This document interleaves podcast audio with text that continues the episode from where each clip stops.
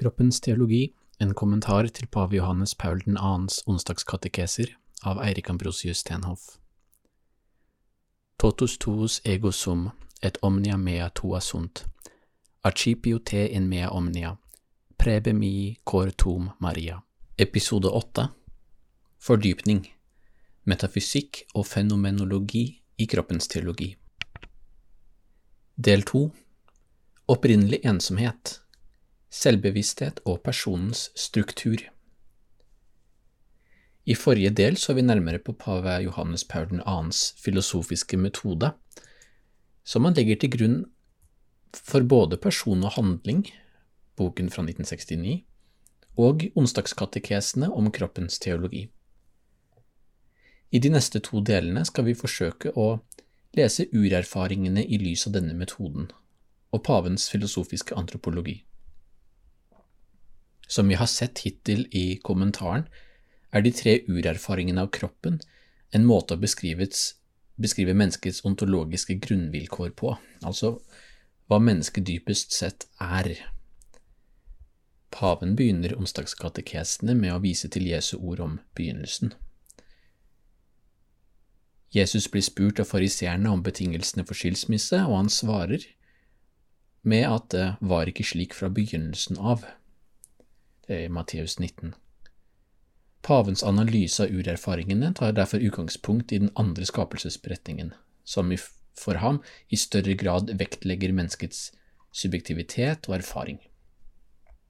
Og denne filosofiske analysen av menneskets erfaring, og mange av de særegne og ofte ukommenterte begrepene som han bruker, er i stor grad hentet fra person og handling eller andre essays skrevet før han ble pave.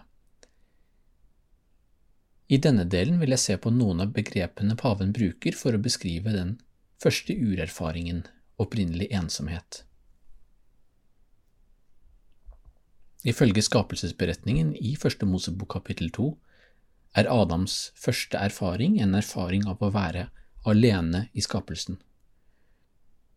Herren sier at det ikke er godt for mennesket å være alene, jeg vil lage en hjelper av samme slag. Deretter skaper Herren Gud dyrene og fører dem frem til mennesket, som gir dem deres navn. Samtidig erkjenner mennesket at ingen av de andre dyrene kan være for ham en hjelper av samme slag. Og dette er på den ene side åpenbart en forberedelse til fortellingen om skapelsen av kvinnen, kommenterer paven men det går også dypere. Den opprinnelige ensomheten kan forstås på to ulike måter, sier paven, først som en ensomhet som kommer av selve menneskets natur, dernest som en ensomhet knyttet til relasjonen mellom mann og kvinne. Den første formen for ensomhet er ontologisk primær, kan vi si, for den har å gjøre med hvordan vi kommer til en erkjennelse av oss selv som en person. Hvert menneske er en person eller et personlig subjekt. Dette er også grunnlaget for communio personarum, fellesskapet av personer. Denne communio kommer til sitt fulleste uttrykk i relasjonen mellom mann og kvinne, som igjen er et såkalt imago trinitatis, et bilde på den treenige Gud som selv er communio personarum. Paven begynner sin refleksjon over opprinnelig ensomhet med å si at denne ensomheten betyr at mennesket ikke kan identifisere seg med de andre dyrene. Han viser kort til den aristoteliske tradisjon som gir oss muligheten til å snakke om dette ut fra begrepene genus proximum og differentia specifica. Både mennesket og de andre dyrene har det til felles at de er dyr, men mennesket er samtidig spesifisert av at det er et rasjonelt dyr. Men vi må gå dypere enn denne logiske og biologiske definisjonen, sier paven.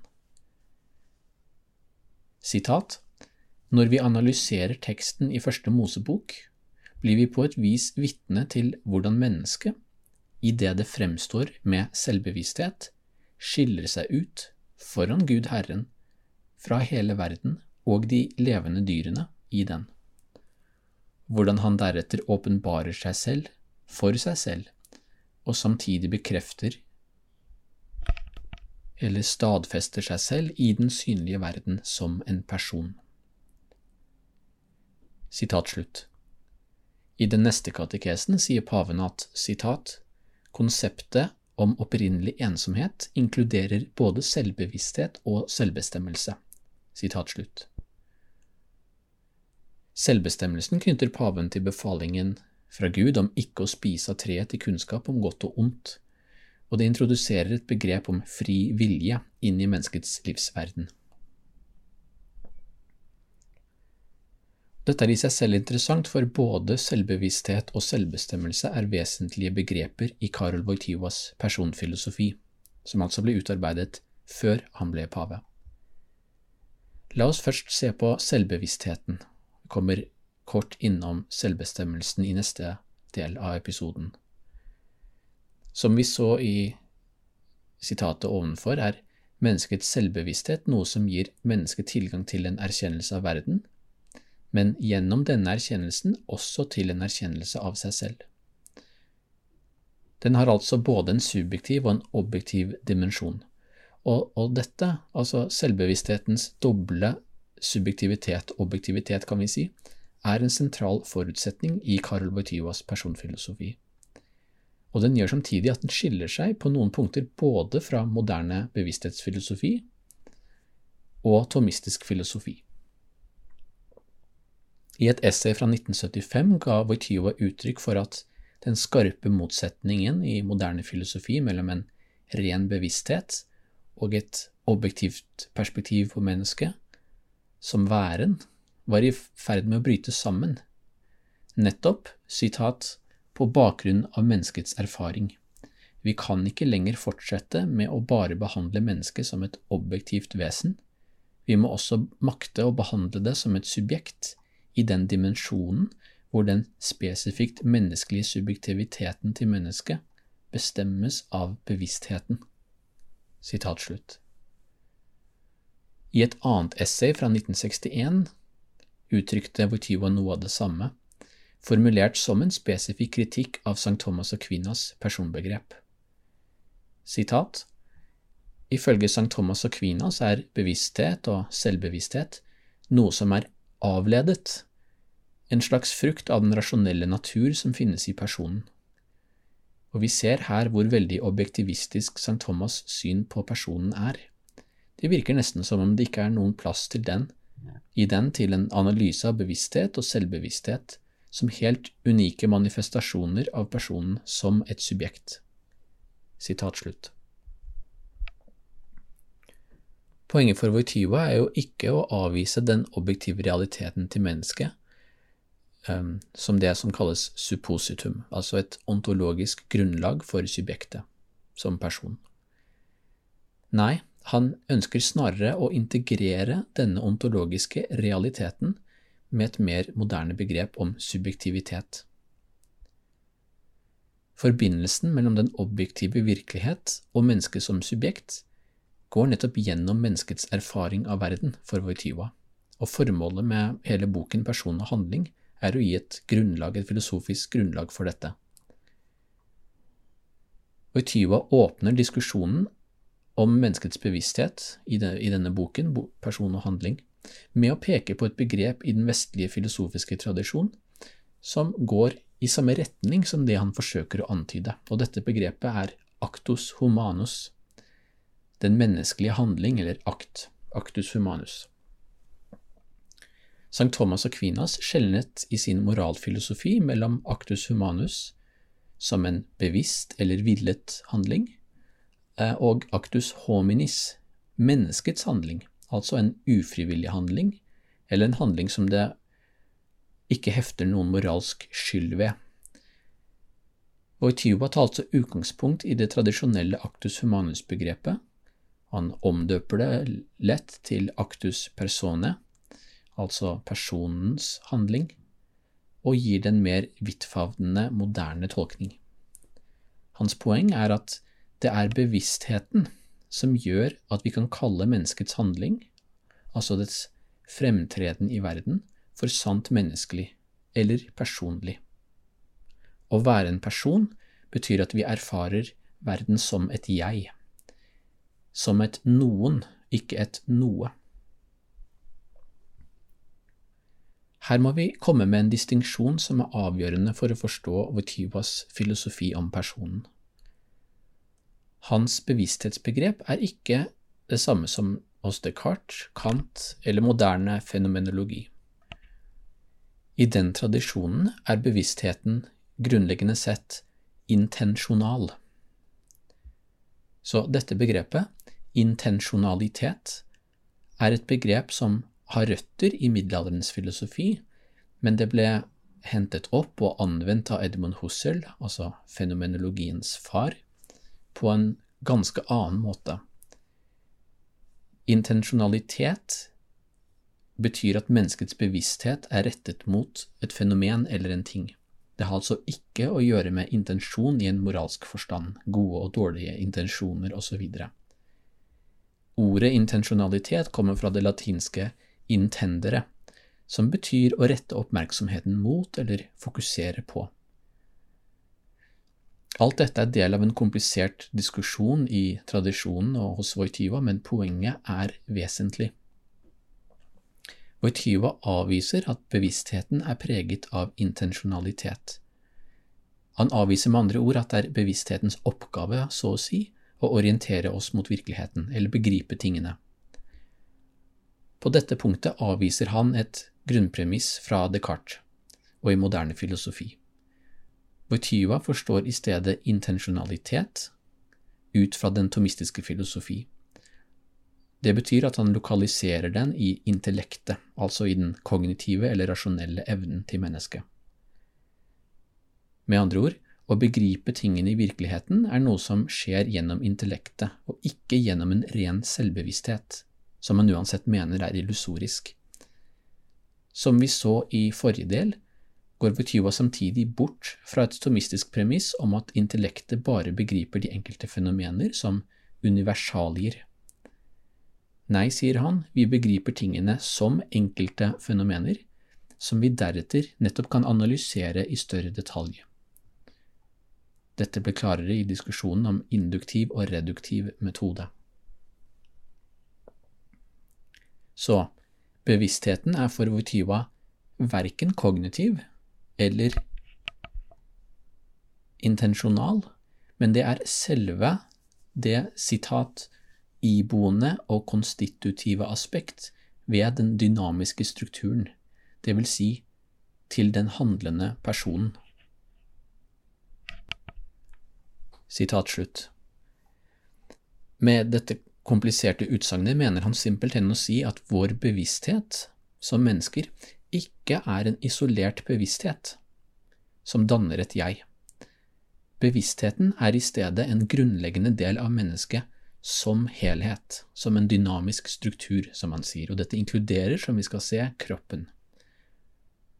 Dersom bevisstheten var primært intensjonal, altså at det var bevissthetens oppgave å erkjenne ting, så ville vi lett ha identifisert den med selve mennesket, som nettopp Descartes og den idealistiske tradisjonen gjør.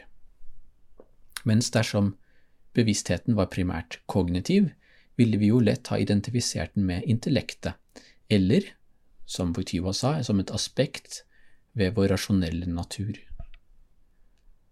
Og det er nettopp det den skolastiske tradisjonen står i fare for å gjøre. Nei, ved å si at bevisstheten er en del av mennesket slik det fremtrer i verden, og dermed for seg selv, unngår Voitiva begge disse fellene, og makter samtidig å forene det subjektive og objektive aspektet ved mennesket, som de to filosofiske tradisjonene vektlegger på ensidige måter. La oss utdype dette til slutt Voitiva fortsetter i person og handling med å si at bevisstheten har en todelt funksjon. Den er speilende, og den er refleksiv. De kan, de kan synes som synonyme begreper, men de har en nyanseforskjell. Bevissthetens speilende funksjon betyr at den speiler det som gis mennesket i det det handler eller erkjenner. Med andre ord, bevisstheten gjenspeiler personen som kilde til sine egne handlinger. Og den speilende funksjonen er knyttet til menneskets kognitive erkjennelse av virkeligheten, som vi nettopp sa. Som vi har sett, lokaliserer Voityva intensjonalitet, altså vår orienterthet mot, mot virkeligheten og vår begripelse av tingene i den, i menneskets kognitive evne. Bevissthetens oppgave er å speile det som er blitt begrepet, erkjent, intendert, og gjennom denne speilingen kommer mennesket samtidig til en erkjennelse av seg selv som den som erkjenner. Så denne speilingen har altså både en objektiverende og en subjektiverende funksjon, i tråd med det vi har sagt. Men bevisstheten har også en dypere betydning som Voityva kaller refleksiv. Bevissthetens refleksive funksjon betyr at de tingene vi erkjenner, åpenbarer mennesket som et subjekt, som erfarer seg selv som et subjekt. Så hvordan er denne refleksive funksjonen forskjellig fra den speilende? Wojtyva skriver at citat, det er én ting å være subjekt, noe annet å bli erkjent, dvs. Si objektivisert som subjekt, og enda noe annet å erfare seg selv som subjektet for sine egne handlinger og erfaringer. Sitat slutt. Dersom vi går tilbake til den opprinnelige ensomheten, helt til slutt, ser vi hvordan det er dette refleksive nivået av selvbevissthet paven forsøker å beskrive i forbindelse med første Mosebok kapittel to. Menneskets erfaring av å ikke være som de andre dyrene betyr at det kommer til en erkjennelse av seg selv som en person. De andre dyrene deler tilsynelatende flere egenskaper med oss mennesker. Også vi er en dyreart, for eksempel, vi deler vår kroppslighet med dyrene, og vi er levende vesener.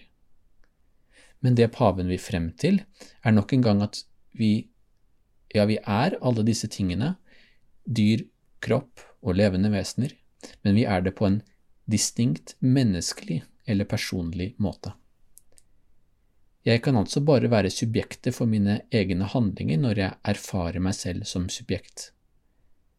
Og det var også Adams oppdagelse i møte med de dyrene som han ga navn. Han ga dem navn og forble alene og der lå også kilden til hans oppdagelse av seg selv som en som er skapt for et communio personarum, altså til andre mennesker.